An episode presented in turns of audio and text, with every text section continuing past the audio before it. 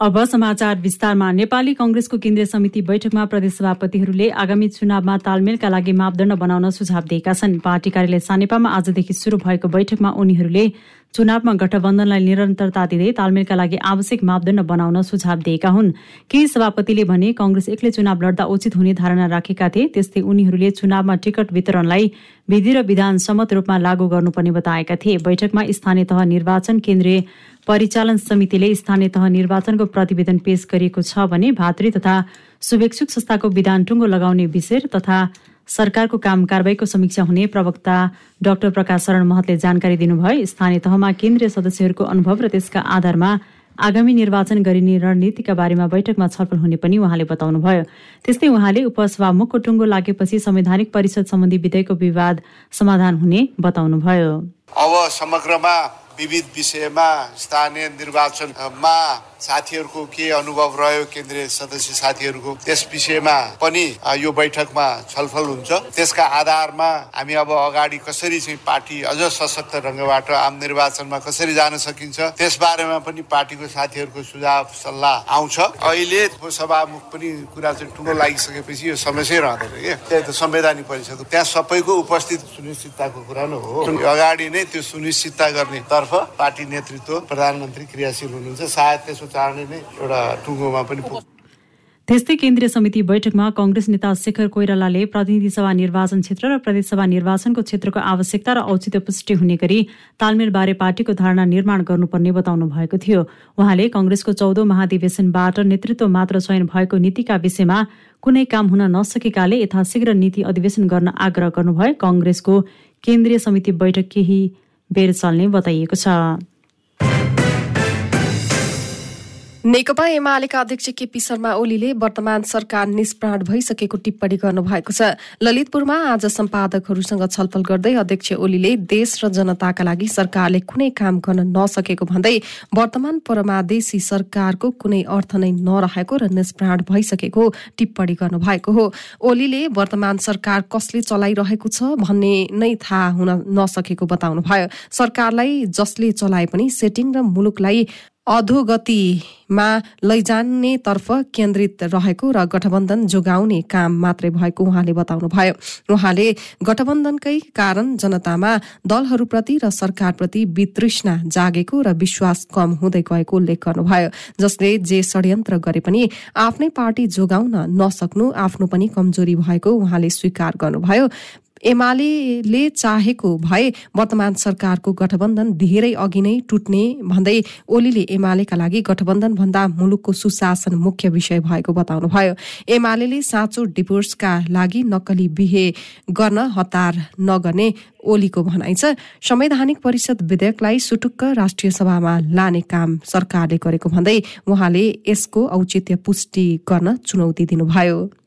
सरकार कसले चलाउँछ? यो दुनियाँलाई थाहा भइसकेको छ। तपाईँहरूलाई पनि थाहा छ मैले किन भनिरहेको म सरले चलाउनुहुन्छ कि म्याडमले चलाउनुहुन्छ यतापट्टि पनि जान चाह मेरो विषय पनि त्यो म बनाउन चाह दिदीले चलाउनुहुन्छ कि भाइले चलाउनुहुन्छ भिनाजुले चलाउनुहुन्छ कि सालोले चलाउनुहुन्छ त्यतापट्टि पनि म जान चाह अथवा प्राइम मिनिस्टरले चलाउनुहुन्छ कि प्रधानमन्त्री जोसुकै भए पनि पावर रियल पावर मै हुँ भनेर भन्नेले चलाउनुहुन्छ त्यतापट्टि पनि म जान चाहन्छु। जसले चलाए पनि चलाएको त यही नै होला। यही त हो चलाएको। र हिजो आफ्नै पार्टी समेत फुट्यो जसले जे षड्यन्त्र गरे पनि जसो गरे पनि आफ्नै पार्टी पनि जोगाउन सकिएन। त्यस्तो अवस्थामा हाम्रो तर्फबाट कुनै कमी कमजोरी छैन भन्न सकिँदैन। हामीले सम्झाउन सकेनौँ। सबै गर्दा त्यसबाट रोक्न सकेनौँ। यस्ता हाम्रा पनि कमीहरू रहेका।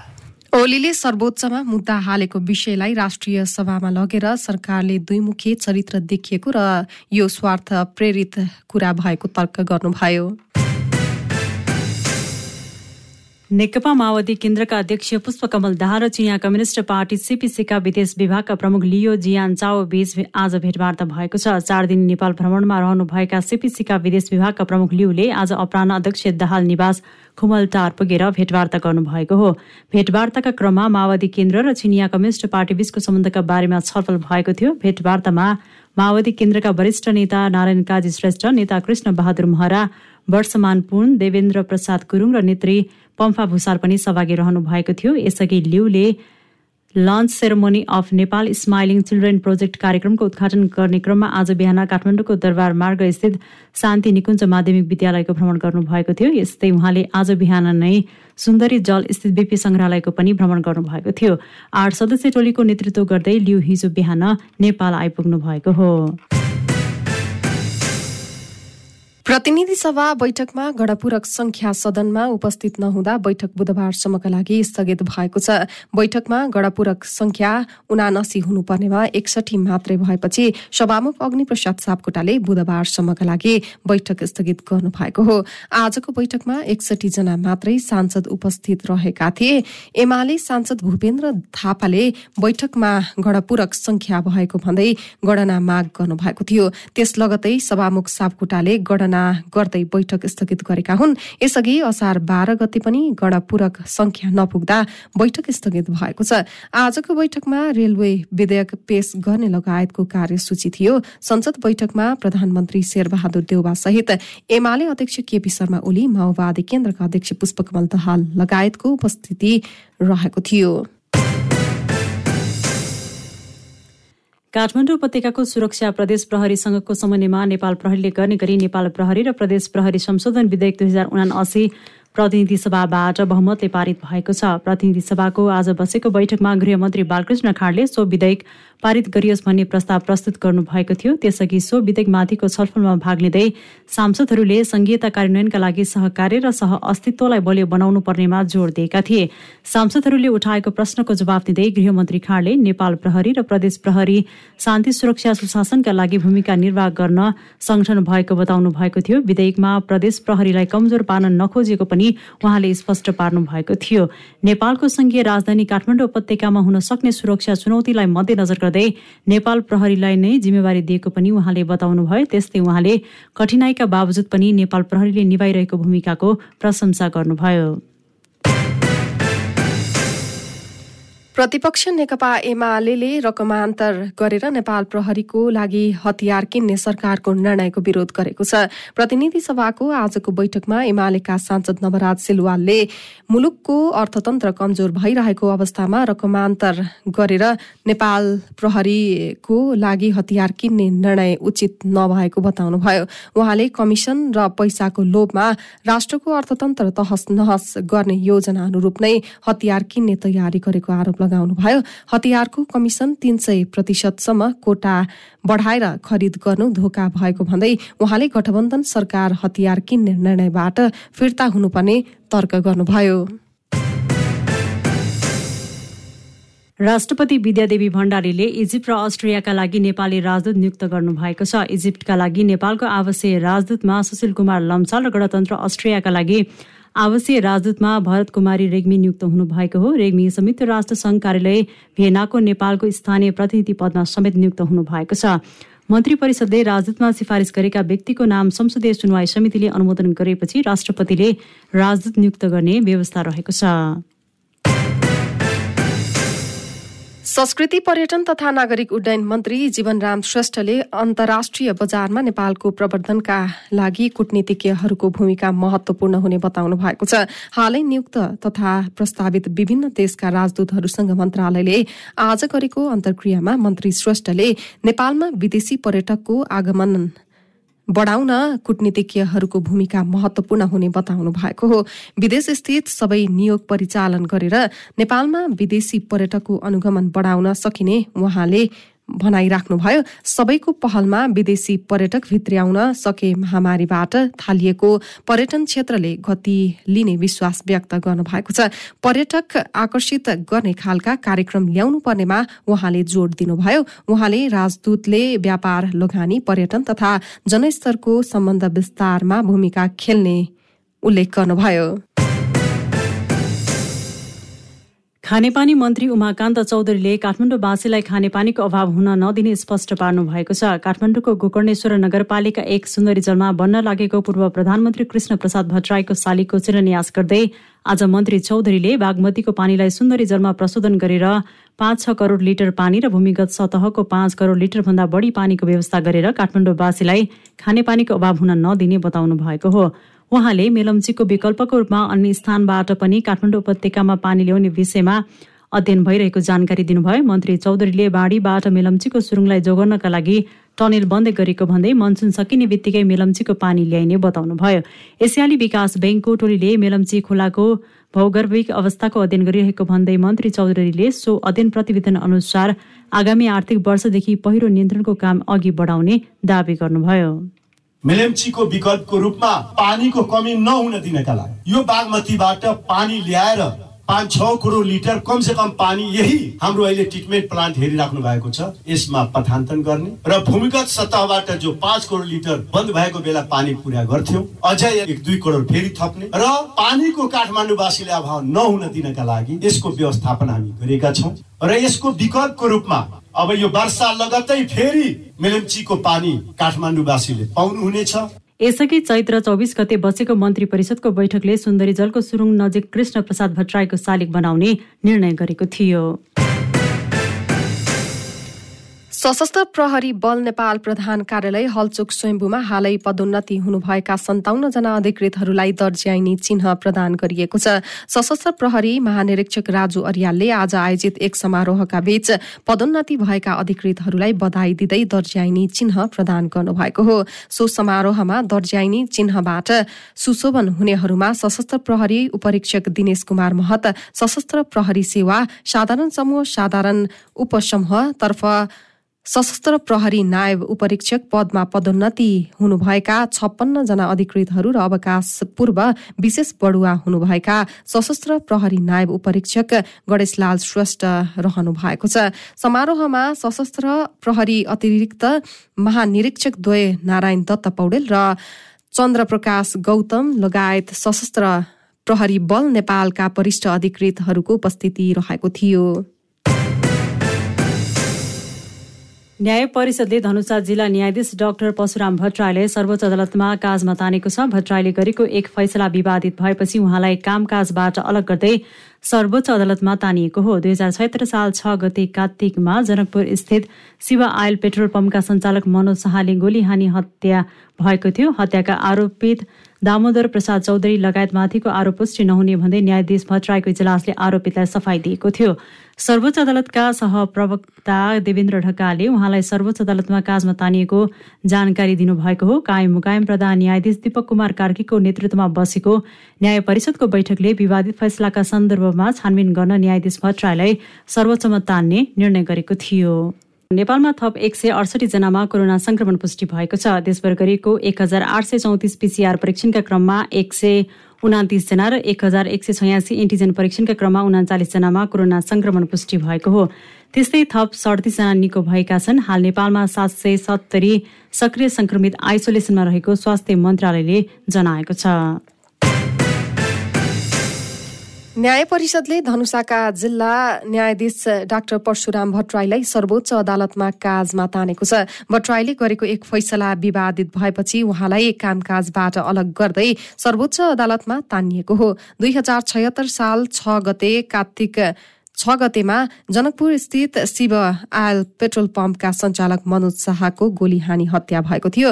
हत्याका आरोपित दामोदर प्रसाद चौधरी लगायत माथिको आरोप पुष्टि नहुने भन्दै न्यायाधीश भट्टराईको इजलासले आरोपितलाई सफाई दिएको थियो। सर्वोच्च अदालतका सहायक प्रवक्ता देवेन्द्र ढकालले उहाँलाई सर्वोच्च अदालतमा काजमा तानिएको बताउनु भएको हो।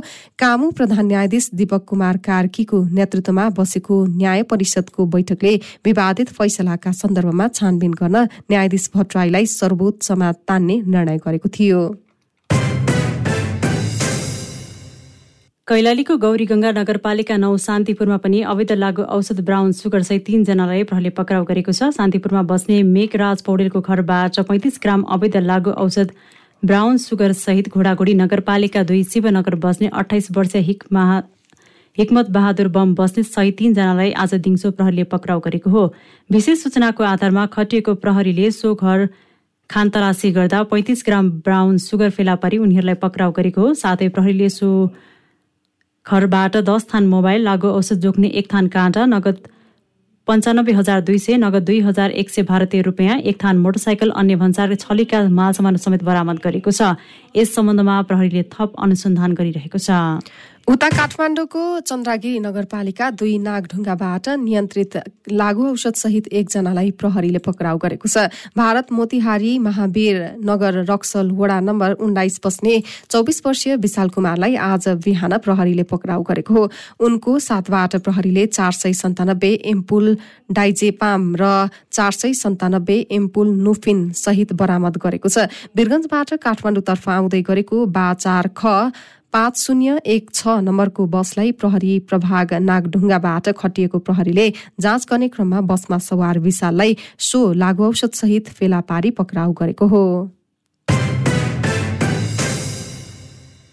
नेकपा एमाले निकट युवा संघ नेपालले सेवाग्राहीलाई सहज रूपमा सेवा प्रवाह गर्नुपर्ने भन्दै यातायात व्यवस्था कार्यालय ललितपुरको एकान्त कुनामा आज धरना दिएका छन्। यातायात कार्यालयमा सेवाग्राहीले सहज रूपमा सेवा नपाएको र बिचौलियाले कार्यालय चलाएको आरोप लगाउँदै युवा संघले धरना दिएका हुन्। यातायात कार्यालयको समयमा नै सेवा दिन नसकेको र यसले आम नागरिक समस्यामा परेको पनि उनीहरूले बताएका छन्। युवा संघ नेपालका किरण पौडेलले हरेक वाहनामा यातायात कार्यालयमा ढिलासुस्ती गर्ने गरेको र बाध्य भएर बिचौलियाको शरण लिनुपर्ने अवस्थाको अन्त्य गर्नुपर्ने बताउनुभयो। अब आर्थिक समाचार चालु आर्थिक वर्षको एघार महिनामा समग्र मूल्य वृद्धि आठ दशमलव पाँच छ प्रतिशत पुगेको छ। नेपाल राष्ट्र ब्याङ्कले सार्वजनिक गरेको वित्तीय अवस्था प्रतिवेदन अनुसार समीक्षा अवधिमा समग्र उपभोक्ता मुद्रा स्फीति चार दशमलव तीन सात प्रतिशतले वृद्धि भएको छ। त्यस्तै जेठ मसान्तसम्मको एघार महिनाको वित्तीय विवरण अनुसार करिब तीस अर्ब विदेशी विनिमय सञ्चित थपिएको छ। वैशाख मसान्तसम्म एघार खर्ब छयालिस अर्ब अठासी करोड रुपियाँ बराबर विदेशी मुद्रा सञ्चित रहेकोमा जेठ मसान्तसम्म एघार खर्ब छयत्तर अर्ब पुगेको हो। त्यस्तै नेपाल राष्ट्र ब्याङ्कले गत जेठ महिनामा वार्षिक बिन्दुगत उपभोक्ता मुद्रा स्फीति आठ दशमलव छप्पन्न प्रतिशत रहेको पनि जनाएको हो। जेठ महिनामा खाद्य तथा पेय पदार्थ समूहको मुद्रा स्फीति भने सात दशमलव चार तीन प्रतिशत र गैर खाद्य तथा सेवा समूहको मुद्रा स्फीति नौ दशमलव चार चार प्रतिशत रहेको राष्ट्र ब्याङ्कले जनाएको छ। चालु आर्थिक वर्षको जेठ मसान्तसम्म वार्षिक बिन्दुगत मासिक मौद्रिक औषधि मुद्रा स्फीति भने छ दशमलव शून्य नौ प्रतिशत रहेको छ। त्यस्तै दुई हजार अठहत्तर जेठ महिनाको तुलनामा दुई हजार उना असी जेठ महिनामा खाद्य तथा पेय पदार्थ समूह अन्तर्गत घिउ तथा तेल दुग्ध पदार्थ तथा अण्डा सुर्तीजन्य पदार्थ मदिराजन्य पेय पदार्थ र दाल तथा गेडागुडी उपसमूहको मूल्य वृद्धि क्रमशः बाइस दशमलव छ शून्य प्रतिशत एघार दशमलव दुई दुई प्रतिशत नौ दशमलव सात शून्य प्रतिशत नौ दशमलव छ आठ प्रतिशत र नौ दशमलव एक तीन प्रतिशत रहेको छ। साथै गैर खाद्य तथा सेवा समूह अन्तर्गत यातायात शिक्षा फर्निसिङ तथा घरायसी उपकरणहरू मनोरञ्जन तथा संस्कृति र घरायसी उपयोगका वस्तुहरू उपसमूहका मुद्रा स्मृति क्रमशः पच्चिस दशमलव सात नौ प्रतिशत एघार दशमलव छ चार प्रतिशत आठ दशमलव तीन शून्य प्रतिशत आठ दशमलव दुई एक प्रतिशत र सात दशमलव आठ चार प्रतिशत रहेको छ। नेपाल राष्ट्र बैंकको गवर्नर महाप्रसाद अधिकारीले मुलुकको अर्थतन्त्रलाई सुधार गर्ने गरी आगामी आर्थिक वर्षको मौद्रिक नीति ल्याउने तयारी भइरहेको जानकारी दिनुभएको छ। सिंहदरबारमा आज बसेको अर्थ समिति बैठकमा गवर्नर अधिकारीले यसअघि कोरोना महामारीका बेला विभिन्न कार्यक्रम ल्याए पनि अहिले अवस्था सहज भइसकेको अवस्थामा अर्थतन्त्रलाई सुधार गर्ने गरी मौद्रिक नीति ल्याउने तयारी भइरहेको बताउनु भएको हो। गवर्नर अधिकारीले पछिल्लो समय बढेको उच्च मुद्रास्फीतिले सर्वसाधारणमा ठूलो मर्का परेकाले बैंकको ब्याज दर बढाएरै यसका समाधानको बाटो खोज्नुपर्ने पनि बताउनुभयो। उहाँले अहिले आयात उच्च हुँदा वैदेशिक मुद्रा सञ्चितमा दबाव परेको र शोधानान्तर घाटा पनि बढ्दै गएको जानकारी दिनुभयो। गभर्नर अधिकारीले बैंक तथा वित्तीय संस्थाले प्रवाह गरेको ऋण र रेमिट्यान्सको ठूलो हिस्सा आयातमै जानु गम्भीर विषय भएको भन्दै यस विषयमा केन्द्रीय बैंक गम्भीर रहेको बताउनुभयो उहाँले रेमिट्यान्सलाई औपचारिक रूपमा भित्र्याउनु पनि चुनौती हुँदै गएको जिकिर गर्नुभयो। कर्जा प्रवाहमा ठूलो घरनाले फाइदा लिँदा रिस्क बढ्न पनि यसलाई तत्कालै रोक्न नसकिने उहाँको भनाइ छ। अर्को रेमिटेन्सको सन्दर्भमा प्रशस्त हामीले अलिकति अनकन्भेन्सनल कुराहरू गरेका छौँ प्रडक्टहरू पनि ल्याएको छौँ। यहाँ भएका एसपी पिएसओहरूलाई तपाईँले सिधै बाहिर चाहिँ एप्रोच गरेर वालेट थ्रु आफ्नो इन्स्ट्रुमेन्ट थ्रु बाहिर चाहिँ लिङ्केज बाहिर चाहिँ सम्पर्क बढाएर ल्याउन सक्नुहुन्छ भनेको छौँ। र कतिले अहिले त्योसँग सम्बन्धित हरूले नै रेमिटेन्सको काम सुरु गरेका छन्। हामीले यहाँनिर गर्नुपर्ने अर्को कुरो चाहिँ रेमिटेन्समा त एक प्रतिशत बेसी ब्याज दिने खातामा रूपको आवेदन गरेका छौँ तर यसमा चाहिँ यो रेमिटेन्सलाई फर्मलाइज गर्ने सिलसिलामा प्रमुख चुनौतीहरू छन्। जुन चाहिँ हाम्रो इन्डमा भन्दा पनि बाहिरको प्र्याक्टिस बाहिरको नीतिहरूले धेरै गभर्न गर्छ। बैठकमा समितिका सभापति कृष्ण प्रसाद दाहालले शेयर धितो कर्जाको चार बाह्र सम्बन्धी व्यवस्था खारेज गर्नका लागि राष्ट्र बैंकले विचार गर्नुपर्ने बताउनु भएको थियो। साथै उहाँले बैंक तथा वित्तीय संस्थाहरूले प्रवाहित कर्जाको मूल्याङ्कन गर्दै सीमित व्यक्ति तथा घरनाले उपयोग भए नभएको यकिन गर्न पनि सुझाव दिनुभएको थियो। कारोबारको पहिलो दिन आज शेयर बजार परिसूचक निप्से भारी अङ्कले गिरावट आएको छ। निप्से आज सतहत्तर दशमलव एक अङ्कले घटेर एक हजार नौ सय पन्ध्र दशमलव छ एक बिन्दुमा झरेको हो। दुई सय सत्ताइसवटा कम्पनीको त्रिसठी लाख तेह्र हजार छ सय एकचालिस किता सेयर कुल दुई अर्ब बत्तीस करोड छप्पन्न लाख एकाउन्न हजार बाइस रुपियाँमा कारोबार भएको छ। सबै समूहको सेयर ओह्रालो लागेकोमा आज विकास ब्याङ्क जलविद्युत बिमा उत्पादन र लघुवित्त समूहको सेयर उच्च अङ्कले घटेको छ। आज ग्रामीण विकास लघुवित्तको सेयर मूल्य दस प्रतिशतले तथा किसान लघुवित्त Himalayan power partner mountain hydro Nepal र ग्लोबल आइएमई समुद्र स्किम कम्पनीको सेयर भने नौ प्रतिशतभन्दा धेरैले घटेको छ। क्यान्डिड न्युजमा अब अन्तर्राष्ट्रिय समाचार। चिनिया विदेश मन्त्रालयका प्रवक्ताले संयुक्त राज्य अमेरिकालाई क्युबामाथिको एकपक्षीय प्रतिबन्ध पूर्ण रूपमा हटाउन आग्रह गर्नुभएको छ। अमेरिकाको विदेश मन्त्रालयले जुलाई नौमा अठाइस क्युबाली अधिकारीहरूमाथि भिसा प्रतिबन्धको घोषणा गरेको बारे सोधिएको प्रश्नको जवाफ दिने क्रममा प्रवक्ता वाङ वेन बिनले सो टिप्पणी गर्नुभएको हो। वाङले दैनिक समाचार ब्रिफिङमा चीनले क्युबाली सरकार र त्यहाँका जनताले सामाजिक स्थायित्व कायम गर्न गरेको प्रयासलाई दृढतापूर्वक समर्थन गर्ने पनि बताउनु भएको छ। संयुक्त राज्य अमेरिकाले क्युबाली अधिकारीहरू विरूद्ध लगाएको एकतर्फी प्रतिबन्धहरू जसको अन्तर्राष्ट्रिय कानूनमा कुनै आधार नभएको उहाँको टिप्पणी छ। लगातार उन्तिस पटक संयुक्त राष्ट्र संघको महासभाले संयुक्त राज्य अमेरिकालाई आर्थिक व्यापारिक र वित्तीय नाकाबन्दी अन्त्य गर्न माग गर्दै प्रस्तावहरू पारित गरेको छ। चीनको विशेष प्रशासनिक क्षेत्र मकाउमा आजदेखि सबै क्यासिनो बन्द भएका छन्। विश्वको सबैभन्दा ठूलो क्यासिनो केन्द्रको रूपमा रहेको मकाउमा कोरोना भाइरसको प्रकोप बढ्दै गएपछि दुई वर्षपछि पुनः पहिलोपटक आज सबै क्यासिनोहरू बन्द गरिएको हो। गैर आवश्यक व्यवसायहरूमा समावेश गर्दै अधिकारीहरूले तीसवटा भन्दा बढी क्यासिनोहरू एक हप्ताका लागि बन्द गर्न आदेश दिएका छन्। गत महिना जुनबाट यता पछिल्लो चौबिस घण्टामा त्यहाँ एक हजार पाँच सय छजनामा कोरोनाबाट संक्रमित भएका छन्। कोरोना महामारी बढेसँगै यसअघि नै विद्यालय र मनोरञ्जन स्थल र सिनेमा हल सञ्चालनमा प्रतिबन्ध लगाइएको छ। न्युजमा अब खेलकुदका समाचार। आइसिसी पुरुष विश्वकप लिग टू अन्तर्गतको त्रिकोणात्मक सिरिजका लागि स्कटल्याण्डमा रहेको नेपालले पहिलो खेलमा अहिले नामिबियाको प्रतिस्पर्धा गरिरहेको छ। स्कटल्याण्डको ओडिआई क्रिकेट मैदानमा शुरू भएको खेलमा नेपालले नामिबिया विरूद्ध बलिङ गरिरहेको छ। नेपाल आज नामिबियालाई हराउँदै सिरिजमा सुखद शुरूआत गर्न चाहन्छ।